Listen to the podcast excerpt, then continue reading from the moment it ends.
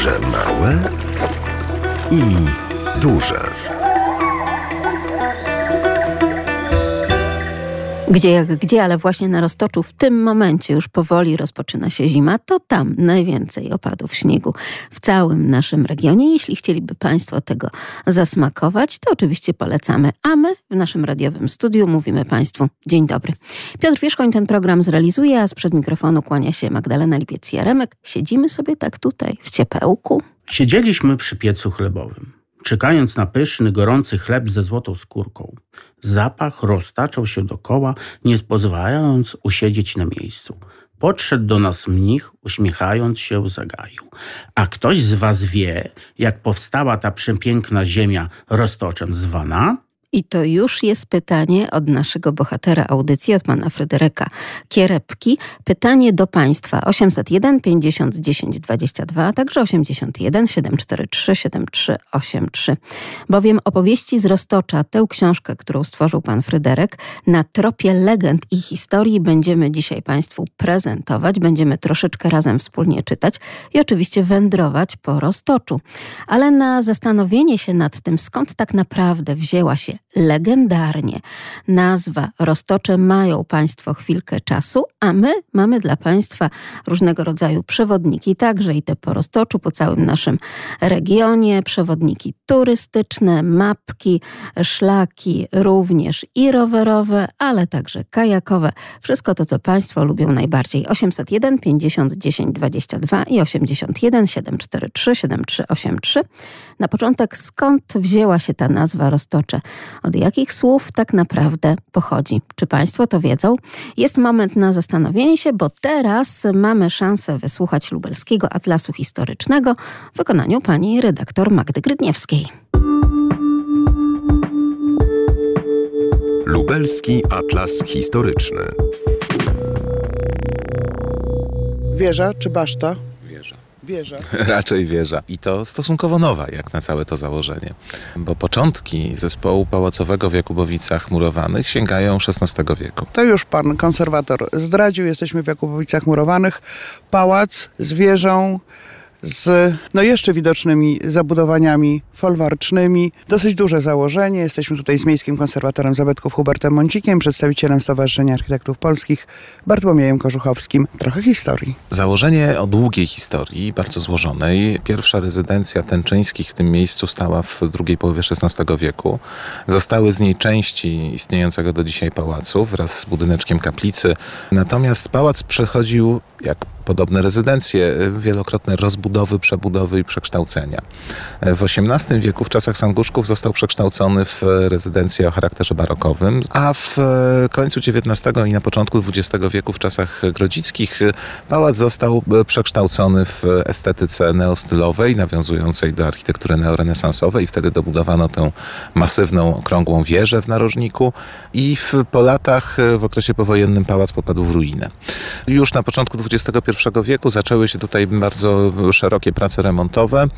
Prywatni właściciele, którzy ten teren posiadają, rozpoczęli od pawilonów, częściowo pałac zadaszono i niestety te prace stanęły. W ostatnich latach były tutaj też propozycje dla tych właścicieli, czy to długoletniej dzierżawy na funkcje hotelowe, czy sprzedaży tego obiektu, ale nie zdecydowano się na to i na razie to wszystko stoi z przerwanymi pracami, chociaż pozwolenia budowlane, pozwolenia konserwatora wojewódzkiego sprzed lat są wciąż aktualne, więc gdyby udało się właścicielom pozyskać jakieś finansowanie, bądź gdyby zdecydowali się ten teren sprzedać, to podejrzewam, że dość szybko dałoby się te prace dokończyć. Bardzo pięknie położone miejsce na skarpie nad doliną rzeki Bystrzycy, z charakterystyczną też bramą, którą można bardzo łatwo zauważyć, kiedy dojeżdża się ulicą Pliszczyńską do ulicy Zabytkowej od strony ulicy Turystycznej. Charakterystyczna brama z dwiema neogotyckimi wieżami. Taka zabawna ta brama jest dosyć. No to jest charakterystyczne dla architektury neogotyckiej przełomu XIX-XX wieku w takim duchu quasi romantycznym, można byłoby powiedzieć. Zabawne to jest chyba dość dobre określenie, bo mm, oczywiście jest to jakieś nawiązanie do historii tego miejsca, bardzo odległe tak naprawdę, bo zamkiem obronnym jako takim e, to założenie dawno być przestało, rzecz jasna. Chociaż jest tutaj też bardzo wiele interesujących e, obiektów niewidocznych. Miałem swego czasu okazję z właścicielem oglądać piwnice, które tutaj ciągną się pod całym dziedzińcem. Bardzo rozległe, o powierzchni kilkuset metrów kwadratowych tunele, piwnice, które są pozostałościami być może wcześniejszego założenia. I też to wszystko czeka na badania, tak na dobrą sprawę, archeologiczne i architektoniczne, bardziej szczegółowe niż dotychczasowe. Oj, no to szkoda. No szkoda, bo wygląda na to, że mamy skarb po prostu ogromny. Zdecydowanie to jest na terenie Lublina chyba najciekawsze założenie rezydencjonalne, bo jesteśmy w granicach administracyjnych miasta. Zabawna brama bajkowa. Właściwie całe założenie trochę bajkowe. A ta wieża czemu służyła? Bo ona wygląda jak baszta mieszkalna. Ona miała funkcję w czasach, kiedy tutaj mieszkali grodzicy, właśnie funkcje mieszkalne, a jej rola przede wszystkim była estetyczna, krajobrazowa. Oczywiście w momencie, kiedy pałac e, był przebudowywany do tej formy, było otwarcie widokowe w stronę doliny, w stronę wschodnią. Ja myślę, że nasi słuchacze nieraz mijali bramę do tego założenia. Rzeczywiście dwie wieże bramowe kryte y, gątem zapowiadają coś ciekawego i naprawdę warto się wybrać drogą taką szutrową od właśnie tego zakrętu od strony ulicy Pliszczyńskiej i zobaczyć piękną topografię terenu z zabudową, którą możemy sobie tylko wyobrażać w czasach świetności, jak e, tutaj właśnie górowała nad całą okolicą.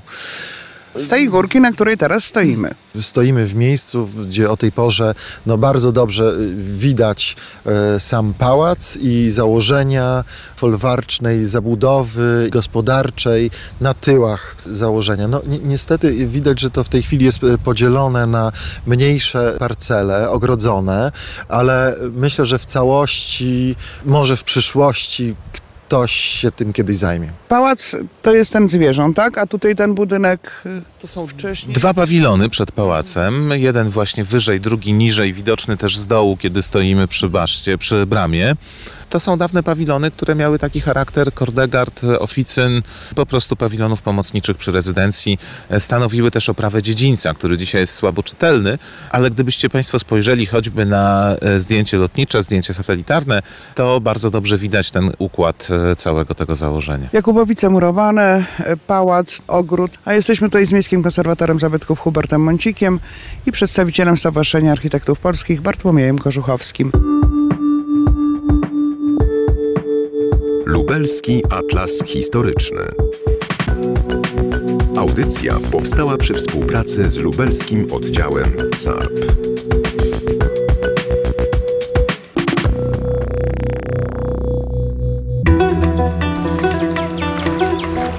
Podróże małe i duże.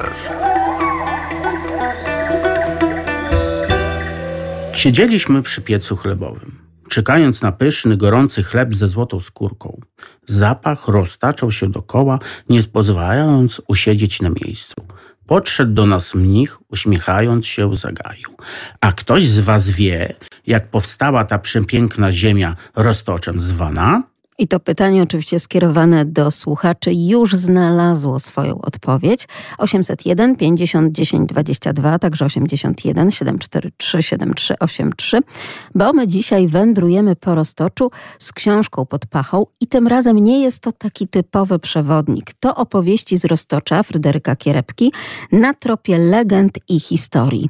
Bardzo wiele krain w naszym regionie, czy to Podlasie, czy to Polesie, ale chyba właśnie szczególnie Roztocze zasługują na taką wędrówkę i na te historie i opowieści, legendy, które powinniśmy sobie opowiadać krok w krok, podążając właśnie na, po tych terenach. E, Pan z pewnością, panie Mieczysławie, nieraz był na Roztoczu. Dzień dobry.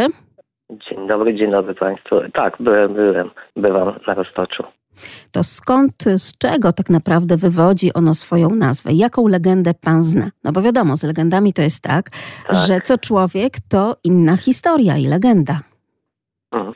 E, Słowo Roztocze pochodzi z e, gwary regionalnej. E, Roztocz, rozlewisko, rozlanie się dwóch e, potoków. O proszę, czyli związki z wodą, a te zakątki właśnie z wodą związane na roztoczu, strumyczki, y, szumy, szypoty i tak dalej, to rzeczywiście piękna No sprawa. Mhm. Pięknym właśnie, z pięknym, rozległym terenem, który, który właśnie jest na roztoczu. Który się roztacza, prawda? Tak. To też tak, tak, tak. idąc już od rdzenia samego słowa, od jego trzonu, e, właśnie możemy wyjść e, ku takim czy innym e, wyjaśnieniom, także tym legendarnym. A które miejsce pan sobie tak szczególnie ukochał, jeśli chodzi o roztocze? No głównie szumy, właśnie szumy i spływy kajakowe po Tanwi, po Wieprzu. Do Tanwi, do tych legend z Tanwią związanych też będziemy wracać. Bardzo pięknie panu dziękuję i do zobaczenia gdzieś Dziękuję. na Roztoczu, panie Mieczysławie. Razem z nami także pani Janina z Michowa. Dzień dobry. Dzień dobry, dzień dobry.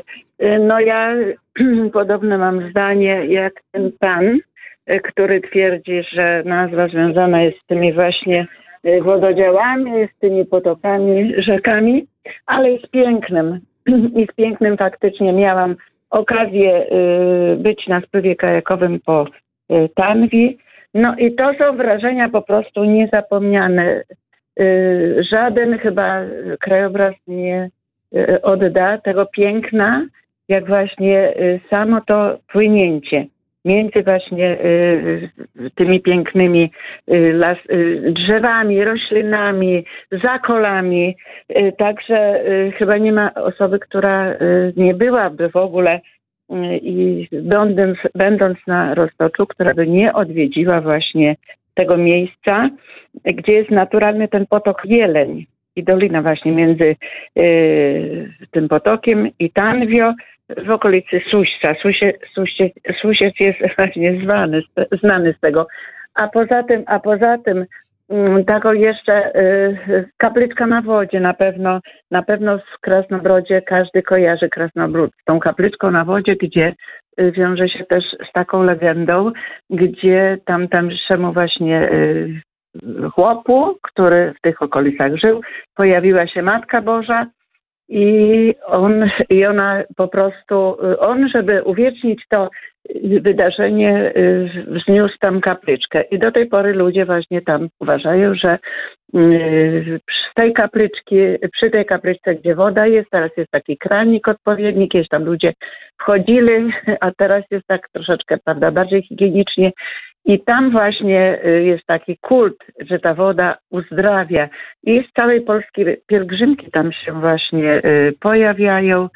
Mm, I ta woda jest rzeczywiście czysta y, i podobno lecznicza. I podobno lecznicza. Także roztaczające się na pewno widoki. A jeszcze taką legendę kiedyś słyszałam odnośnie tego budulca, no bo te potoki, no to nam się kojarzą zwykle z górami, a tutaj właśnie też no, zwiąże się to z objawieniami, że, że Pan Bóg pożałował tych ludzi, którzy nie będą mogli obejrzeć gór, że w innym miejscu mieszkają, więc troszkę wziął tego materiału budowlanego z tych wielkich naszych gór, Tatry, prawda, Pieniny, no i troszkę wody z tych górskich potoków i tutaj umieścił na Roztoczu. No i pewnie mamy stąd takie piękne widoki, y, chociaż jakby z resztek, ale też pięknych terenów górskich. I to możemy potwierdzić. A w ogóle można wędrować, wędrować, prawda, różnymi trasami, szlakami. Naprawdę Roztocze jest piękne. No i zdrowe, i zdrowe tam y, różne potrawy są, prawda. No, Ale do też i to Buciowa- powietrze, Buciowa. jeżeli już Tak, powietrze. o zdrowiu tak, mówimy. Dla mnie jest na przykład z Podlasiem. Ja y, y, będąc na Roztoczu, będąc na Podlasiu, to się czuję, że, że to są dwa takie mm, po prostu tereny, takie regiony, gdzie, gdzie człowiek jakoś tak oddycha lżej. Zasobność wiot to też kolejny punkt, podobno porównywalna w tych granicach, jaką odczuwamy wtedy, kiedy oddychamy tuż przy samym brzegu Bałtyku i też wdychamy ten jod. Tutaj na No Roztoczu jest Mm. prawie podobnie i to są już kwestie naukowo udowodnione. Przepięknie nam tutaj Państwo podają te legendy. Ja tak sobie pomyślałam, że wtedy, kiedy rozmawiałam z panem autorem Fryderykiem Kierepką na temat tych opowieści z Roztocza na tropie legend i historii, e, to tak się zastanawiałam. Już tak dużo tych legend już tutaj pan Fryderyk e, zawarł, bo jest ich 50 rozdziałów, jak sam mówi, ale legend o wiele, wiele więcej, bo w jednym rozdziale nawet spotykamy się z dwoma czy z trzema legendami, to jeszcze państwo dzisiaj w tych historiach pewnie dołożą kolejne. W takim razie otwórzmy karty tej książki i przeczytajmy jedną z pierwszych legend, czyli o tym, jakżeż to powstało roztocze. Pewien stuletni dziadek opowiadał, odpowiedziałem, że całe dzisiejsze roztocze było niziną zalaną wodami wielkiego morza, aż dobry Bóg zlitował się nad nieszczęśliwą okolicą i na jego rozkaz dno morskie podwyższyło się, morze wylało wody do sąsiednich krajów, powstały góry i doliny porośnięte lasami pełnymi zwierząt, Piękno tych ziem roztoczyło się naokoło. Wschodzące słońce powitały sołokija i chączwa. Tak powstało roztocze. A moja miłość do roztocza tak naprawdę rodziła się wraz z wędrówkami z mikrofonem po roztoczu, po to, żeby poznawać właśnie również od strony opowieści i legend to miejsce. Jednym z pierwszych przewodników, który pokazał mi najpiękniej roztaczające się roztocze z Bukowej Góry, był Stanisław Turski. I dzisiaj Państwa zabieram na wspomnienie takiej wakacyjnej wędrówki z panem przewodnikiem Stasiem po tych właśnie niesamowitych terenach. Kto chce tutaj chwilkę poczekać na tej ławeczce, to bardzo proszę. Chyba Edytka już niesie bilety. Tu proszę zobaczyć, jeszcze jest jedna tablica. Stoi przed ośrodkiem dydaktyczno-muzealnym Rostoczańskiego Parku Narodowego w Zwierzyńcu. Jest logo Parku Roztoczańskiego. To jest konik polski. Niektórzy nazywają go tarpanem. Ale teraz już wejdziemy do Parku Narodowego Roztoczańskiego. Tu już brama przed nami stoi. Rozpoczyna się ścieżka przyrodniczo-edukacyjna na Bukową Górę. Około 2,5 kilometra. Po drodze będziemy oglądać różną roślinność. Ten las tutaj roztoczański rośnie podobnie jak w Karpatach. Zaznacza się piętrowość, regiel. Najpierw zobaczycie Państwo sosny, później zobaczycie Państwo świerki, później zobaczycie Państwo jodły, a na koniec piękne buki. A teraz chodźmy dotlenić się, powąchać tego świeżego powietrza, posłuchać ptaków i to jest moim zdaniem najatrakcyjniejszy moment dzisiejszej wycieczki. Zapraszam. Tu zobaczycie Państwo właśnie stare drzewa, które mają po 300 lat, jak one leżą i porastają mchem. Aha. Porastają mchem i porastają takimi grzybami, które nazywają się roztocza. Mhm. I to jest jedna z teorii mówiąca, skąd się bierze nazwa roztocza. Druga geneza tego słowa to jest to, że roztocza roztaczają się w różnych kierunkach potoki, rzeki. A trzecia geneza, że się roztaczają wspaniałe widoki z roztocza. Tu w ogóle jesteśmy na takim przystanku, gdzie się rosną sosny. Jest to taki najniższy ten regiel Bukowej Góry, choć na początku, gdy wchodziliśmy, rosły, jak to mówią, choinki czyli rosła jodła mała. Po drodze tutaj widzicie Państwo też polany i widzicie też, że poszycie nie jest gęste. Krzaków nie ma dużo. Dlaczego? Dlatego, że roztocze środkowe to jest inaczej roztocze wapienno-piaszczyste. Skały wapienne z dużą domieszką piasku, jak się kruszą, tak jak Bukowa Góra, to te piaski obsypują się niżej. I na tym podłożu piaszczystym właśnie rosną głównie sosny.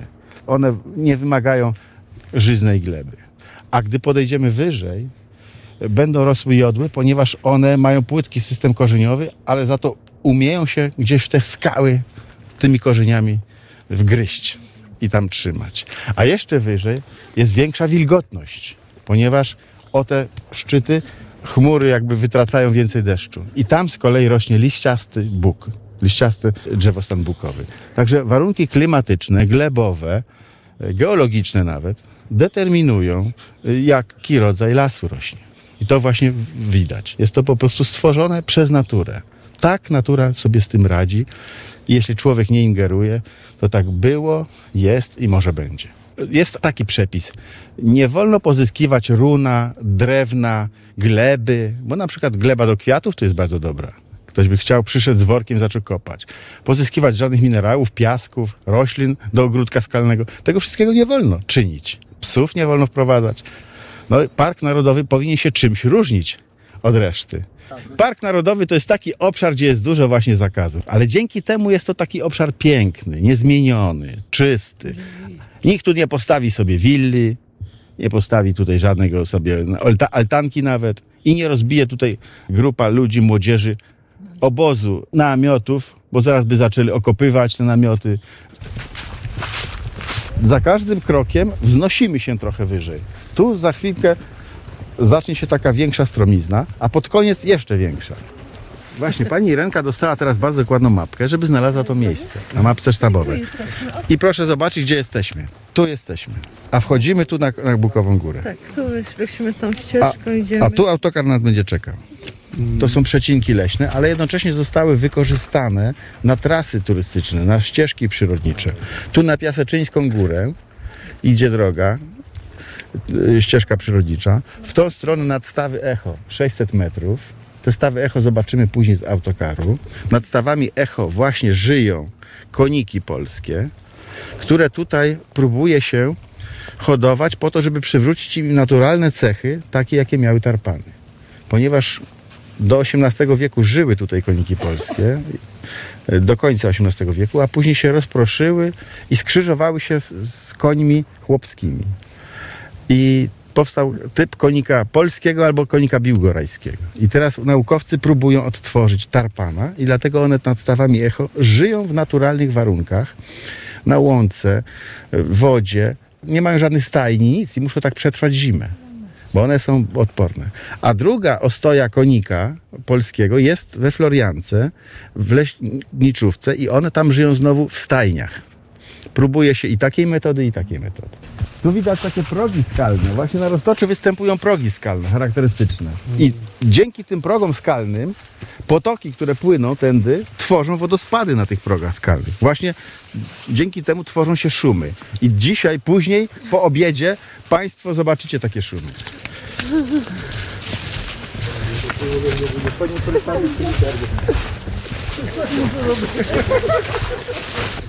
10 minut odpoczynku tutaj na tej górze. Zarządzam 10 minut odpoczynku, ponieważ świeci słońce. Można buzię wystawić do słoneczka i popatrzeć się na krajobraz roztocza środkowego. W dali widzimy długą wieś Sochy, odbudowaną po pacyfikacji, którą urządzili hitlerowcy mieszkańcom. I stąd domy tu nie są starsze niż 45, 46 rok. Widać dużo też dom, nowych domów. Wieś jest ładnie skryta, zobaczcie Państwo, w takim wądole, żeby ochronić się przed wpływami chłodnych wiatrów, zamieci, w zaciszu. Spoczywa w zaciszu u stóp Bukowej Góry. Jak to dobrze mieć takiego przewodnika, który doskonale wie, gdzie i jak, w którą stronę znajduje się autokar, ale też o której będzie obiad, czy należy teraz odpocząć, czy jednak wspinać się na przykład na tę Bukową Górę i do tego jeszcze poetycko określa wszystko to, co wycieczkowicze widzą dookoła. A jeśli chodzi o Roztocze, to również jest to takie miejsce, które obfituje w strachy, diabły, czarownice, duchy również roztoczańskie i takiego jednego szczególnego, którego mogą Państwo zobaczyć na naszych stronach internetowych www.radio.lublin.pl w zakładce audycji Podróże Małe i Duże na okładce właśnie książki.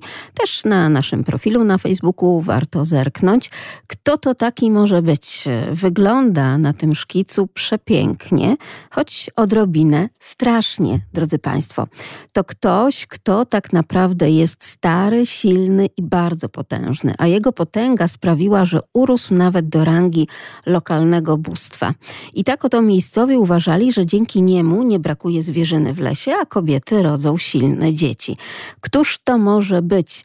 Jako taką korelację może podamy wszystkim podróżującym taką podpowiedź, że jeżeli wybieramy się w Karkonosze, to tam mamy ducha gór. A na Roztoczu jakiego ducha mamy tak naprawdę? 801 50 10 22, jak również 81 743 7383. Ale za to chodzi nam o wyjątkową postać, która z jednej strony straszy, jeżeli jest taka potrzeba, ale z drugiej strony chroni. Prawda, pani Barbaro? To nie daj Boże, dzień dobry, nie daj Boże się z nim spotkać, bo on jest takim obrońcą lasu w sumie.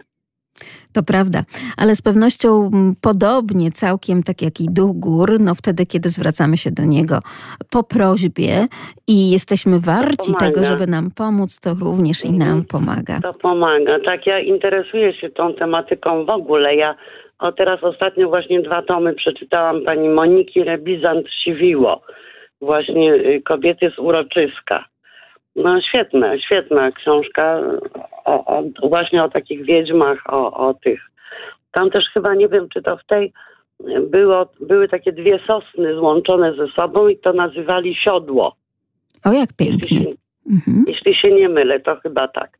I jak się usiądzie na nim, to właśnie nie wolno na niego y, siadać, dlatego że, Boże, co to było wtedy, że, że się, jakiś tam kłopot jest z tym później. Masę jest tych takich legend, wie pani, żniwiarze, pamiętam, czytałam, to też były takie, y, takie te, no... Właśnie nie- takie legendy, w których przeplata się z jednej strony historia, takie opowiastki ludowe, z drugiej strony trochę wierzeń pogańskich, ale też i taki zabobon przyrodniczy, jeśli można tak to sobie określić, to też tak jest. To jeszcze raz powiedzmy, tak. Pani Barbaro, naszym radiosłuchaczom, Leszczy. Tak jest, właśnie o niego chodzi. Leszy, czyli Leszy. duch lasu. I tutaj Tak. w rozmowie z panem Fryderykiem, e, Fryderykiem Kierepką e, na kanwie tych opowieści z Roztocza pomyśleliśmy Mhm. sobie, że można by było właśnie po tym naszym roztoczańskim szlaku również takiego leszego, niekoniecznie w wizerunkach, ale właśnie chociażby w takich legendach i opowieściach gdzieś ustawić na tych szlakach, bo to z pewnością przyciągnęłoby jeszcze kolejne rzesze turystów. No bo pewnie, tak też tak. się dzieje na przykład z duchem gór w Karkonoszach. Tam na przykład dzieci Tak. bardzo chętnie wyszukują tych elementów dotyczących ducha gór, gdzie odpoczywa, gdzie się pojawia, gdzie składa sobie drewno, a może ten taki kamień ogromny to na przykład jego fotel albo łóżko i tak dalej, i No tak dalej. właśnie. A Roztocze też ma takie miejsca. Dziw, że jeszcze nie ma do tej pory. A może jest, tylko my nie wiemy, jeszcze nie spotkaliśmy go tam tym lesie. Chciałabym bardzo być na Roztoczu, zwiedzić Roztocze, no ale niestety chodzę o kulach i, ledwo się poruszam, także nie ma nawet mowy o tym, żeby tam być, ale słyszę często, bo słucham Lublina i, i, i często właśnie słyszę o tym Roztoczu. No piękne, piękne, z tego co, co słychać to naprawdę. Bo rzeczywiście tak jest. Ale cieszę się, że chociaż z nami pani podróżuje. To naprawdę dużo. No i z książkami, ja bardzo dużo czytam, także, także no i mówię, te właśnie tematy mnie interesują, różne jakieś tam wiedźmy, wie pani, coś tam działają. Z tym, że trudno to wszystko zapamiętać.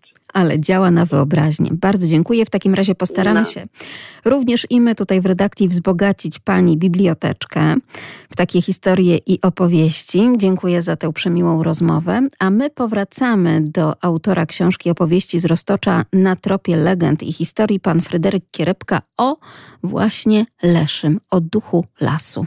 Karkonosze mają liczy rzepę, natomiast myślę, że tu na Roztoczu warto by było rozpowszechnić e, ducha lasu, Leszego. On to właśnie jest na okładce. Mamy bardzo, bardzo dużo lasów na Roztoczu. Potężne jeszcze puszczy, pozostały gdzieś ich fragmenty. Więc myślę, że ta postać e, Leszy, który chronił kiedyś las przed, przed ludźmi, przed rozrabiakami, y, chronił przyrodę, potrafił się zamienić czy to w rysia, czy w wilka, czy w niedźwiedzia. Jest taką postacią y, fajną, legendarną, dającą dużo do wyobraźni, że myślę, że właśnie w tą drogą można by było przyciągnąć y, dzieci, żeby chciały y, zwiedzać y, Roztocze. Ależ mnie pan zaskoczył. Ja tyle programów zrobiłam o Roztoczy, z tyloma leśnikami właśnie lasów roztoczańskich rozmawiałam i pierwszy raz słyszę o duchu lasu. Jak on ma na imię? U nas nazywany jest Leszy, natomiast po stronie ukraińskiej to Borowy. Czasami był nazywany y, Boruta, ponieważ było to skojarzenie z diabłem, ale generalnie można go nazywać y, Leszy. Leszy tak naprawdę miał różną postać. Potrafił być y, mały jak krasnoludek, potrafił być wielki, ogromny jak dąb. To zależało od sytuacji. Miał generalnie białą twarz, długą, długą brodę, nosił ubranie takie zygliwa z roślinności z poszycia leśnego. I on chronił, między innymi on chronił y, las przed zniszczeniem. Bo to już od wieków, od wieków z tym się borykamy. I właśnie w zależności od sytuacji y, przyjmował postać. Czy ona była ogromna i wielka, czy też y, mała. To już zależało od niego, czy miał nastraszyć tego człowieka, czy mu pomóc, czy jakoś łagodnie tylko ostrzec. Szczerze mówiąc, ja do, gdzieś tam do niego doszedłem, czytając wierzenia Słowian, ponieważ jest to taki rozdział, też się troszkę odnosi do naszych przodków. Przedstawiam w jednym z rozdziałów, jak wyglądała pokrótce Noc Kupały. I czytając właśnie mitologię Słowian, wierzenia, doczytałem, że właśnie takie postacie żyły w lesie i go chroniły. To chodzi też o miejscowość, skąd się wzięła nazwa, lecz także brat Albert powraca po tułaczce, po Roztoczu, po Krasnostawie z Zamościu do swojej pustelni i właśnie zatrzymują się w Werchracie, przez którą musieli przejść. I tam spotykają takiego ducha lasu, innego Auka, który zwodził na manowce i przedstawiła im się tak jakby wizja dawnych czasów. I w tej wizji właśnie ukazuje się też Leszy, jest przedstawione jak wyglądała e, noc kupały w dawnych wierzeniach u naszych, u naszych przodków e, Słowian. Błysk. Naszym oczom ukazał się olbrzym, sękaty niczym dąb, z nienaturalnie białą twarzą i długą siwą brodą. Był to władca lasu, Leszy, zwany leśnym dziadem. Zawył jak wilk, wszystko zniknęło. Jedynie na rozstaju dróg zostały palące się polana, które wskazywały duszom drogę na miejsce spoczynku. To sam autor, czyli Fryderyk Kierepka, Państwu przytacza swoje teksty, swoje legendy z Roztocza i tak jak Państwo słyszą, aktorsko niesamowicie wczuwa się nawet także i w opis owego Leszego, czyli ducha lasu Roztocza. 801 50 10 22. My mamy dla Państwa jeszcze jedno zadanie związane z legendami, historiami i opowieściami. Również kartkując tę właśnie książkę, możemy tutaj napotkać różnego rodzaju niesamowite nazwy miejscowości. Niektóre znane nam doskonale, miejscowości roztoczańskich, ale czy zastanawiali się Państwo, skąd te miejscowości wzięły swoją nazwę? No, Szczebrzeszyn to już w ogóle ma taką tajemniczą nazwę, że no nie wiemy, no po prostu nie wiemy y, skąd ta nazwa może pochodzić. A może jeszcze inaczej, mamy aż tak dużo legend mówiących o tym, skąd wzięła się nazwa właśnie Szczebrzeszyn, że aż nie wiemy, którą wybrać. 801 50 10 22, także podróże małparadio.lublin.pl No Szczebrzeszyn to już w ogóle ma taką tajemniczą nazwę, że no nie wiemy, no po prostu nie wiemy y, skąd ta nazwa może pochodzić. Podróże małe i duże. No Szczebrzeszyn to już w ogóle ma taką tajemniczą nazwę, że no nie wiemy, no po prostu nie wiemy y, skąd ta nazwa może pochodzić. A może jednak wiemy. Tak jak Państwo, którzy piszą do nas na podróże małpka.radio.lublin.pl, jak pani Katarzyna. Ach, moje roztocze, ukochane. Rzeczywiście ukochane miejsce i to nie tylko przez mieszkańców naszego regionu lubelskiego, ale tak naprawdę przez wielu, wielu, w tym chociażby ze szczególnym uwzględnieniem Ślązaków. Oni też bardzo lubią przebywać na Roztoczu, ale czy wiedzą na przykład skąd wzięło się takie oto imię dla miasta jak Szczebrzeszyn? Dzień dobry Pani Anno. Dzień dobry. Ja znam takie dwie historyjki pochodzące yy, na przykład tak, szczebruchy. Wiem, że to z języka węgierskiego że znaczy to suszone owoce. Więc może stąd się wzięła nazwa.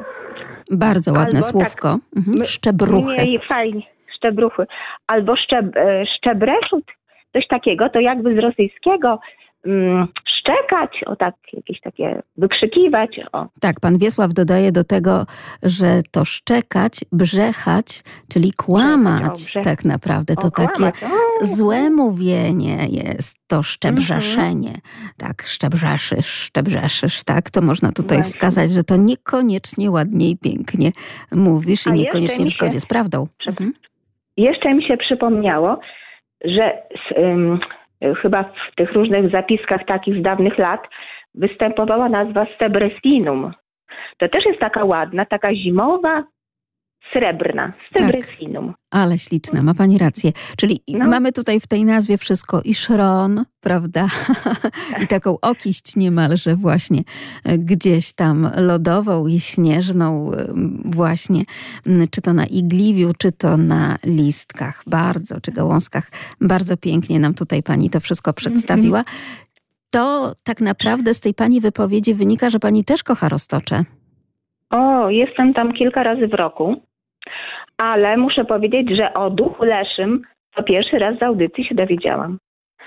Dla mnie Mogę... też to było takie małe zaskoczenie, ale chętnie bym go zaadoptowała tak naprawdę. Czyli żeby on jednak tam przebywał jak najwięcej jako taki duch lasu roztoczańskiego. Chroniący lasy roztocze. Tak. Ta też. pani słuchaczka wcześniej mówiła o książkach pani y, Moniki Rebizant-Siwiło. Tak. Ja też przeczytałam kilka jej książek. W tej chwili już po prostu nie pamiętam tytułu, ale wszystkie są właśnie tam osadzone w Roztoczu. Jeżeli ktoś jeździ, no tam powiedzmy Susiec, w tamtych okolicach, po przeczytaniu książki na pewno odnajdzie te takie. A to są książki z dreszczykiem. I oczywiście o miłości, o, tak. no bo jakżeż. Wszystko nam się tutaj łączy, Pani Anno. Dziękuję bardzo. Jeszcze mi się przypomniał tak. Stefan Darda, który napisał taki... Też o tym nazwisku książ... pomyślałam. Mhm. Tak, który napisał chyba, nie pamiętam w tej chwili też już książki, ale to znaczy tytułu. Y, rzecz się dzieje tam chyba okolice Guciowa. To taki trochę thriller, tak. także też też taka, no, trzymająca w napięciu. Ale zaczynał od naszego Polesia, tak, że chyba i Podlasia tak. nawet, czyli tutaj takie nasze rejony lubelskie i to w tych takich zakamarkach leśnych osadza swoje historie kryminalno-thrillerowe, tak. tak jak tutaj pani powiedziała, więc też mogą ponieważ, sobie państwo do tego dołączyć. Ponieważ y, znamy te rejony, to jak po przeczytaniu książki, tym bardziej się człowiek y, jakoś tak z tym Y, jakby uosabia i to się wydaje, że to może być prawda, a może to prawda. A może. Tak było. A może. A może tak było, jak to w każdej legendzie, jakieś ziarnko prawdy. Dziękuję, bo z nami jeszcze pani Krystyna. Dzień dobry. Dziękuję. Pozdrawiam. Dzień dobry. Dzień dobry pani redaktor i słuchaczom. Ja znam takie dwa y, skojarzenia właśnie z tym Szczebrzeszynem, oczywiście tak. z historii. Y, od dawna, staro, y, od nazwy dawnego staroruskiego imienia, czyli y, od nazwiska Szczebrzesza przez dodanie przyrostka dzierżawnego. A druga jest tam też taka historia, no to też dalej do tego trzeba dodać ten przyrostek tego nazwiska, co teraz powiem, bo tam na początku XI wieku, y, czyli zarania naszego państwa polskiego, był tam, y, wiodła tam droga z Kijowa do Krakowa. Była tam rzeka, ale nie było mostu i był tam taki zamek na tym terenie. I taki kupiec y, wędrował tymi drogami o imieniu Szczeb Szczebrzech. No i oczywiście ten kupiec wszystko do tej wody mu wpadało, te torby, y, te bagaże i pewnego razu zanocował w tym zameczku i od tej pory został yy, to miasto jego imieniem Szczebrzeszyn, tylko było dodane, yy, dodany był przyrostek. No i od tamtej pory został tam zbudowany jakiś most, żeby ludzie Y, nie topili swoich toreb, bagaży w tej rzece, kupcy, co wędrowali. Bardzo praktyczna A historia. Duchu to też pani y, redaktor pierwszy raz słyszę. Pierwszy raz dzisiaj się Ale wygląda on przepięknie, zresztą w tych rycinach w książce właśnie pana Fryderyka Kierepki, opowieści z Roztocza na tropie legend i historii. E, to są takie ryciny naprawdę przemawiające do wyobraźni i troszeczkę, troszeczkę e, tak to wygląda, jakbyśmy tutaj obcowali właśnie z tym karkonoskim duchem lasu, bo bardzo, bardzo podobny jest to taki starszy, szalenie brodaty, wąsaty pan, ma zamiast, że tak powiem, uszu, to chyba nawet takie poroże jelenia z gałęzi usadowione, więc bardzo to pięknie wszystko jest przedstawione przez e, ilustratorkę tej książki Klaudię Krupę, więc tutaj oddajemy jak najbardziej, to przemawia do naszej wyobraźni tak już plastycznie, absolutnie. Więc e, polecam Państwu i zerknięcie na nasze strony internetowe, zresztą tam po audycji również wszystkie rozmowy nasze będą zamieszczone. Dziękuję Dziękuję bardzo Pani Krystyno. Dziękuję. Dziękuję.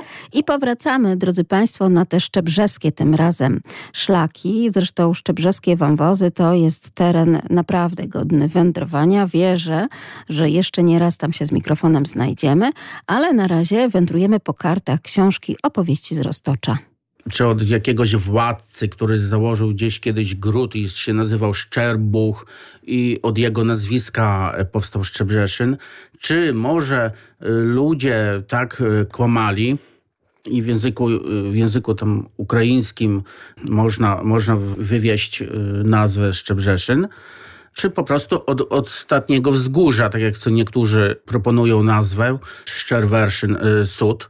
Więc trudno, trudno to tak zlokalizować. Skąd, skąd ten Szczebrzeszyn nasz e, ma nazwę? Kiedyś to się mówiło, że szczebreszysz, że kłamiesz. Być może, być może od tego trudno wywnioskować, czy, czy na pewno. Zlokalizować w ogóle w historii osady trudno coś, jakieś źródła znaleźć, y, skąd to można by było wziąć, że, że ludność nam aż tak bardzo kłamała, że y, nazwa osady powstała od tego.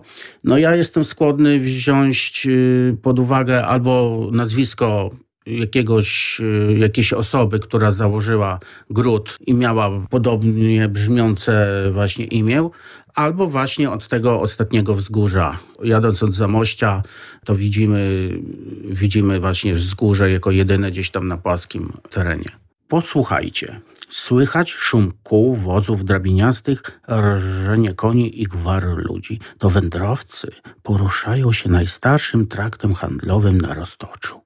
Opido, już blisko. Niedługo staniemy w osadzie. Tam dostaniemy strawę i nocleg. Odezwał się kupiec w nieznanym języku. Tak, jeszcze tylko Szczewarszyna Sud, jak mówią miejscowi i będziemy na miejscu, powiedział współtowarzysz kupca. A cóż to znaczy? zapytał zdumiony kupiec. Ostatnie wzgórze, odpowiedział współrozmówca. Osada położona jest na równinie, patrząc od strony potężnej twierdzy Zamość, lecz my jedziemy od drugiej strony.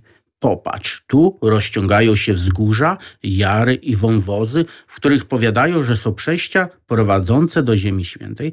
Poza tym grasują tam pozaziemskie istoty i nikt się w te rejony nie zapuszcza. My, gdy miniemy ostatnie wzgórze, czyli Szczewerszyna Sud, będziemy w osadzie. Stąd wzięła się jego nazwa Szczebrzeszyn, do którego właśnie jedziemy. Jedziemy, jedziemy i dojechaliśmy. Tak naprawdę podróżujemy po szlaku legendarnym, bo to legendy Roztocza, prosto z Roztocza. Te opowieści dzisiaj prezentuje nam pan Fryderyk Kierepka. Drodzy Państwo, i tych opowieści jest całkiem sporo, więc również dużo zagadek z tymi legendami związanych mamy dla Państwa. 801 50 10 22, a także 81 743 7383 i podróże małpka radio.lublin.pl. Szczebrze Krzeszyn już rozwiązaliśmy, jeśli chodzi o to pochodzenie nazwy, nawet kilka legend tutaj udało nam się wspólnie ze słuchaczami przedstawić, to może teraz zajmijmy, zajmijmy się na przykład Biłgorajem. Czy wiedzą Państwo skąd swoją nazwę wziął właśnie Biłgoraj? 801 50 10 22, a także 81 743 7383. Nazwa Biłgoraj jest przypuszczalnie starsza od samej osady. Ale cóż takiego oznacza? To jest pytanie do Państwa. 801 50 10 22, także 81 743 7383. Dobrze by było tę nazwę rozłożyć i to dosłownie na czynniki pierwsze. Wtedy być może będzie Państwu łatwiej rozszyfrować, bądź też dopisać albo przypomnieć sobie legendę związaną z Biłgorajem, a tych nazw samej legendy jest całkiem sporo. Dużo też różnego nazewnictwa na tym naszym roztoczu, takiego nietypowego, również związanego oczywiście z opowieściami, legendami i imionami. I teraz do kolejnego właśnie przejdziemy i będzie to jedno z ukochanych e, właśnie takich imion, ale też i opowieści i legend samego autora, czyli pana Fryderyka Kierepki. Którą historię lubię najbardziej? Wszystkie historie są ciekawe. Ja, tak jak mówiłem, najbardziej lubię chyba Susiec y, z tego całego roztocza. To jest jakieś takie moje miejsce od dawien dawna. I myślę, że to właśnie ta legenda o Tanwi, o tej księżniczce, o rycerzu Gołdapie też się gdzieś tam od najmłodszych lat y, przewijała. To chyba ta historia jest taka dla mnie najfajniejsza, którą można opowiadać na, na sto różne sposoby. W dokumentach archiwisty Ordynacji Zamojskiej Mikołaja Stworzyńskiego można wyczytać, że w pobliżu Sujśca na wzgórzu funkcjonowała strażnica warowna. Strażnicą warowną dowodził rycerz Gołdap, który pilnował ziem wschodnich, aby Tatarzy nie mogli zaskoczyć ziem Rzeczypospolitej. Rycerz Gołdap y, miał jedynaczkę, córkę o imieniu Tanwia, którą bardzo kochał. I Tatarzy usilnie zastanawiali się, gdy tylko mieli zaatakować nasze ziemię, jak ten zamek zdobyć, bo wiadomo, obejść go można było obejść, aczkolwiek bali się, że na ich tyły rycerz Gołdap wyskoczy z tej strażnicy ze swoim rycerstwem no i będą w szachu, będą mieć problemy, więc zawsze się głowili, jak ten zamek zdobyć. Traf chciał, że rycerz Gołdap e, przyszedł taki czas, chciał e, swoją córkę wydać za mąż, przedstawił jej kandydata. Ona powiedziała, że jednak kocha kogo innego więc musieli temu kandydatowi ojca podać czarną polewkę.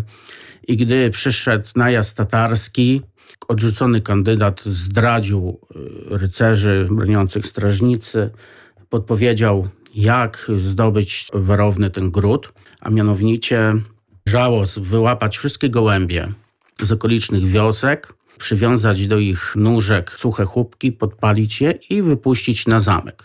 Wiadomo, to były czasy wojny, i zwierzęta i wszelkie ptactwo było głodne. Tenże zdrajca wysypał ziarno na dziedzińcu tej strażnicy, gołębie przyfrunęły do strażnicy. Niestety to wszystko było drewniane, jak to w tamtych czasach bywało w dawnych wiekach. Powstał pożar, strażnica spłonęła. Wszyscy obrońcy grodziska zostali niestety pozbawieni życia, natomiast Tanwia nie chcąc e, wpaść w ręce e, hordy tatarskiej, pójść w Jasyr, weszła na wieżę zamkową i wskoczyła do rzeki. Ludzie po tym wydarzeniu wzgórze nazwali Gołda, czyli puste, e, puste, zniszczone, bez roślinności. Natomiast rzekę, do której wpadła ta księżniczka, nazwano ją od jej imienia Tanwie. A tak naprawdę na pamiątkę jakiego wydarzenia ludzie nazwali też wzgórze najpierw Bieł Goraj, a później Bił Goraj. Pani Karolino, dzień dobry. Dzień dobry, dzień dobry bardzo. Jak to było z to tym tak. Biłgorajem?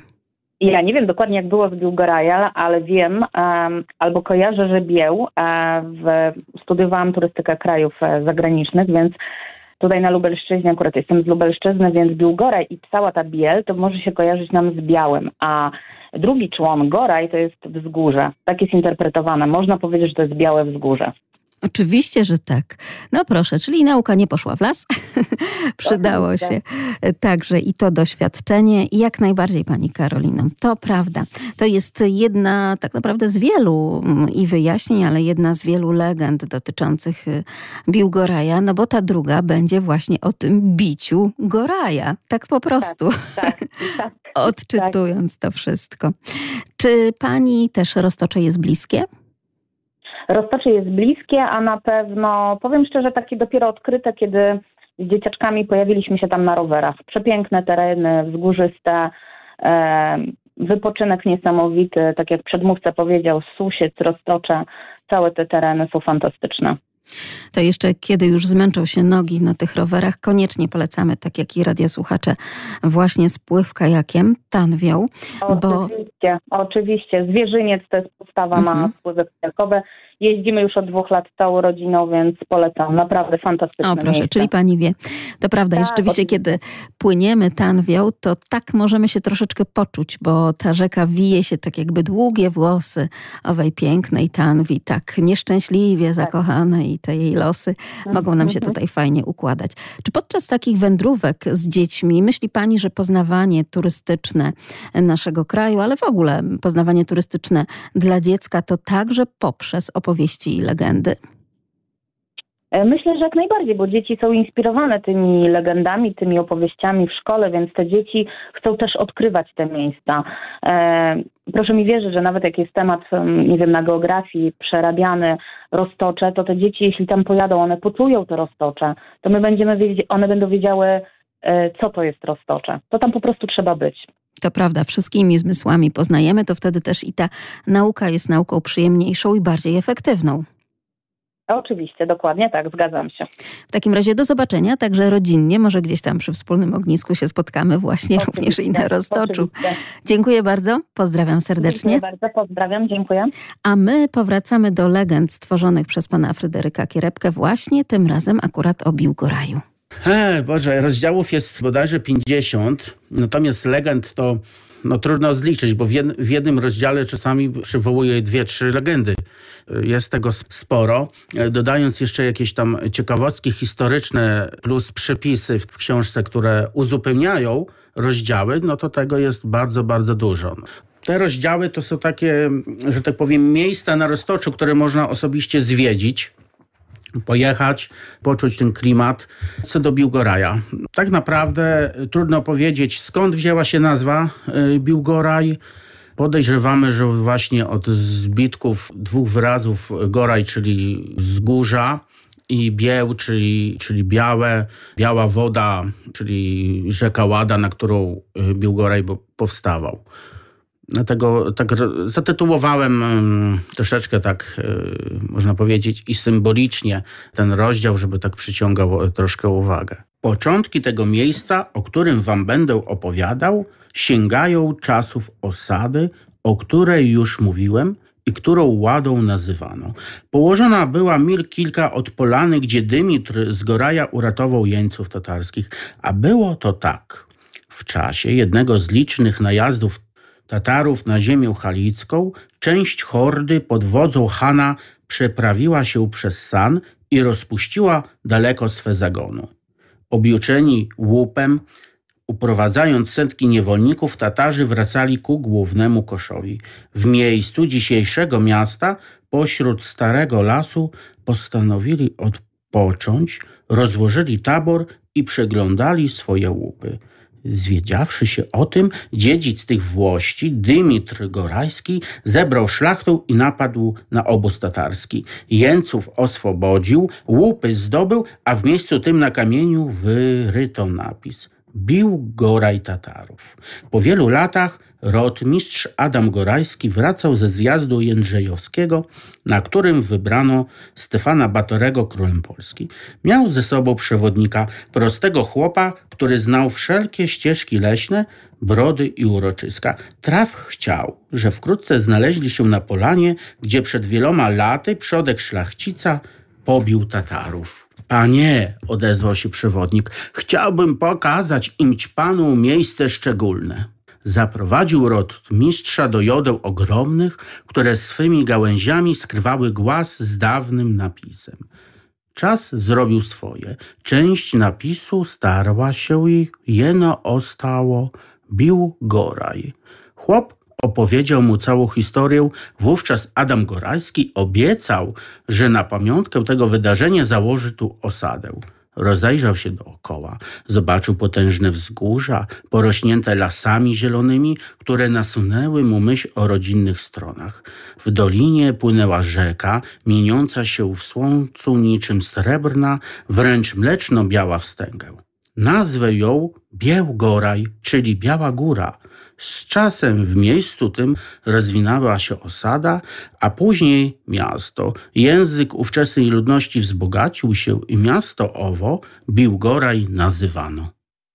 Polecamy Państwu także kolejny rozdział, który nosi tytuł Demetriusz de Gorai, a później to już tylko czarty, czorty, szatańskie wybryki, czambuły tatarskie, ale też diabelski kamień i niedźwiedzie wzgórze.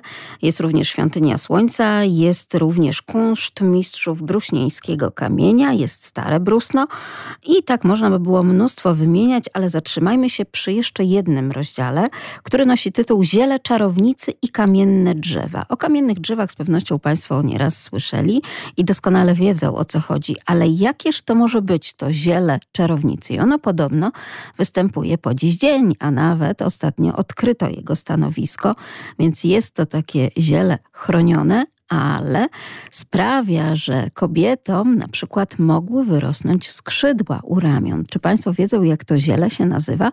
801 50 10 22, a także podróże małparadio.lublin.pl.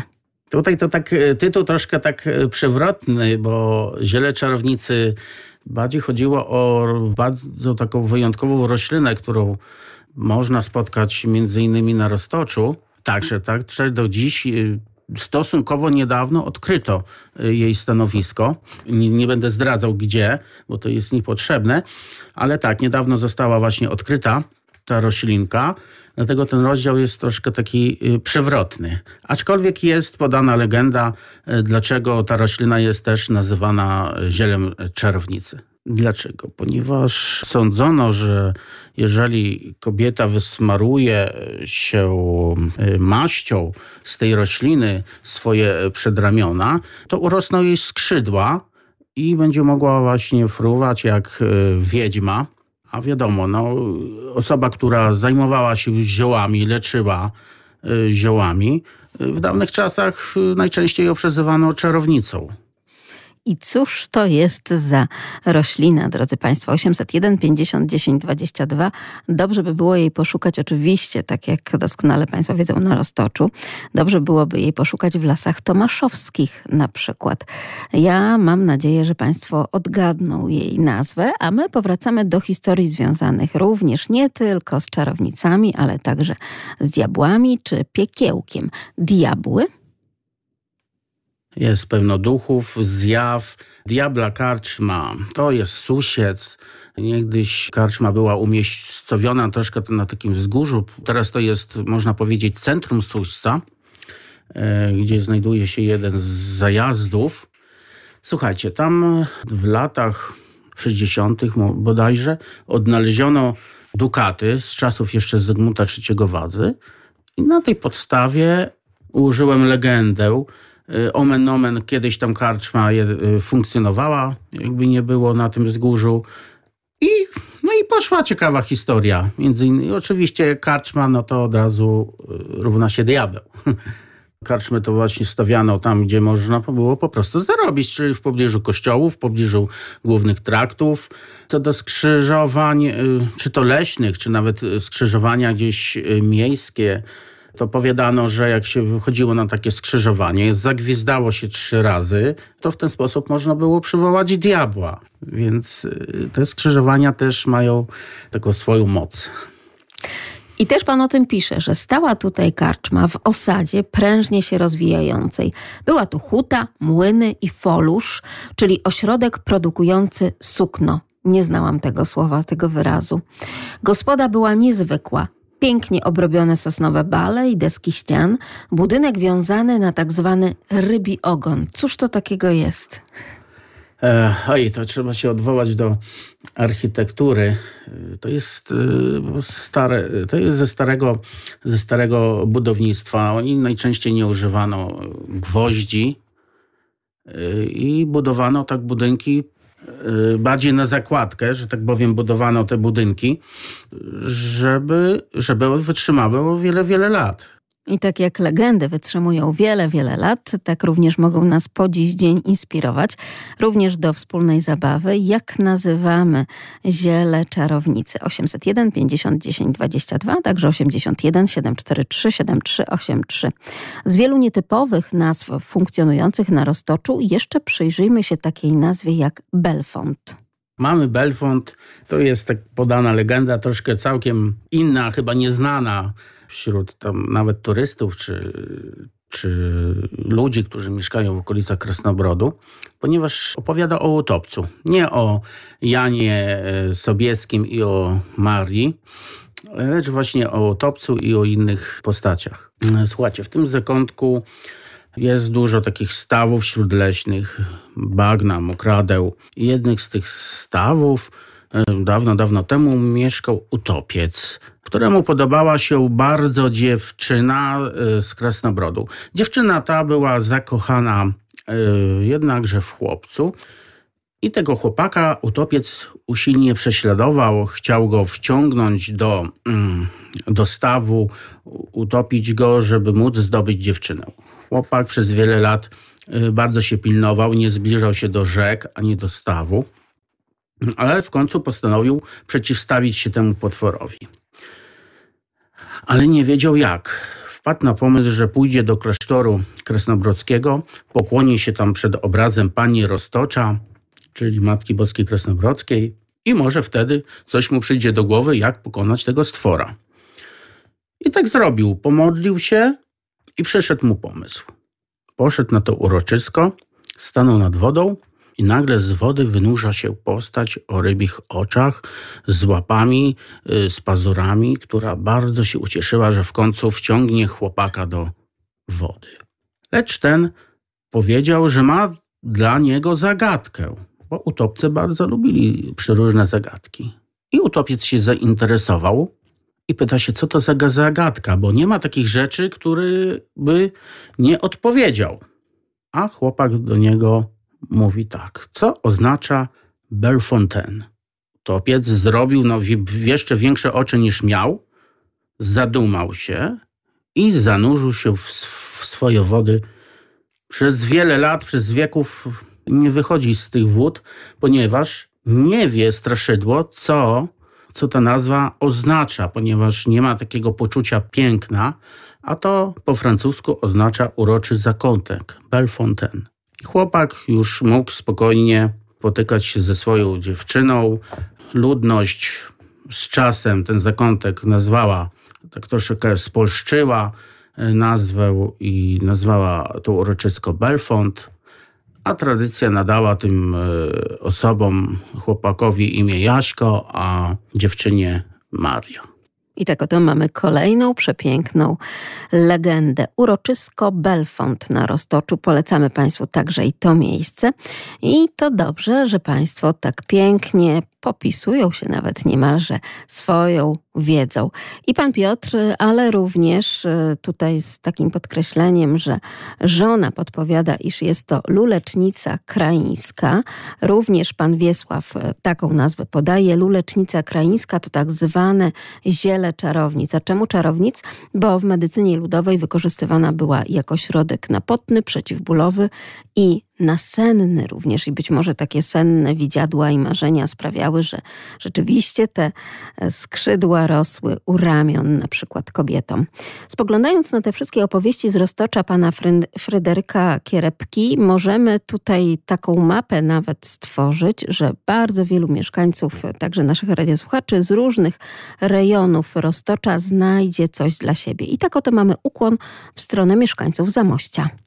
To jest legenda Starej Bramy Lubelskiej, przez którą y, Jan Zamojski przeprowadził y, Maksymiliana Habsburga po słynnej bitwie pod Byczyną, y, w której stoczył walkę Jan Zamojski, aby nie dopuścić do tego, żeby arcyksiąże austriacki usiadł na tronie polskim.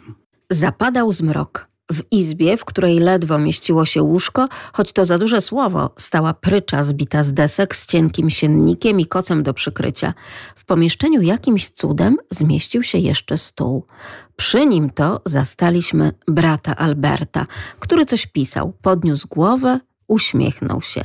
Zapraszam, mało tu miejsca, ale się pomieścimy. Rozejrzeliście się po pustelni? A tak, skromnie tu u was. Ta cerkiew to naprawdę piękna świątynia. To pozostałość po naszych poprzednikach, bazylianach. Chodźmy pod nią, opowiem wam pokrótce coś o nich. Bazylianie, czyli kto?